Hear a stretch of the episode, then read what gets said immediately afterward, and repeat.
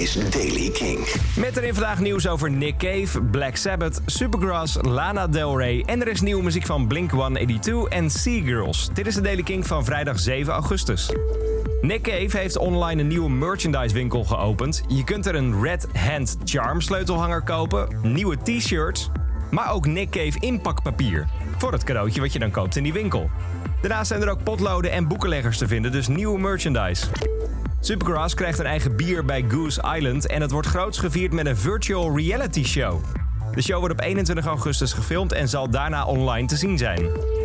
Lana Del Rey heeft een nieuw voorproefje gegeven voor haar nieuwe album dat op 4 september uitkomt. Dat gaat Chemtrails over de Country Club heten en zo klinkt het voorproefje dat ze op Instagram gegeven heeft.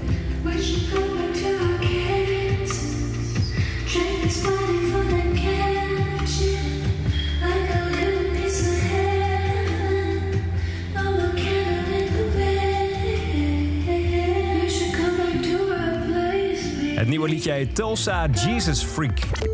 Dit jaar bestaat het album Paranoid van Black Sabbath 50 jaar en dat wordt gevierd met een grootse verjaardagseditie van het album.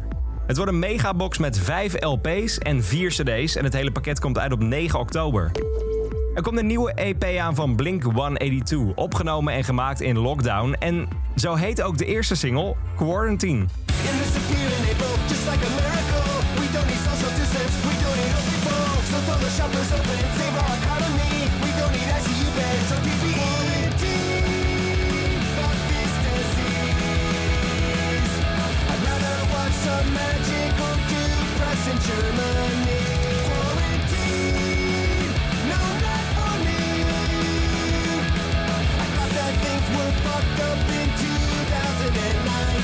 En ik vind het een briljante zin. I thought things were fucked up in 2019.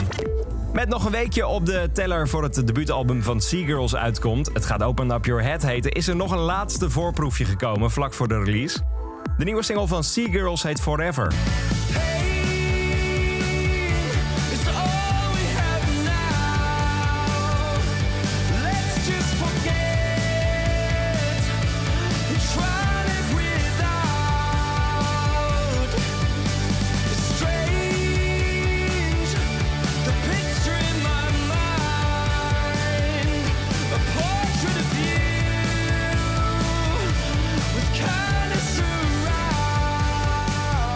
Volgende week vrijdag maak je trouwens de hele dag kans op het album op vinyl.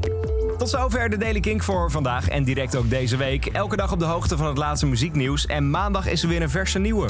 Elke dag het laatste muzieknieuws en de belangrijkste releases in de Daily Kink. Check hem op kink.nl of vraag om Daily Kink aan je smart speaker.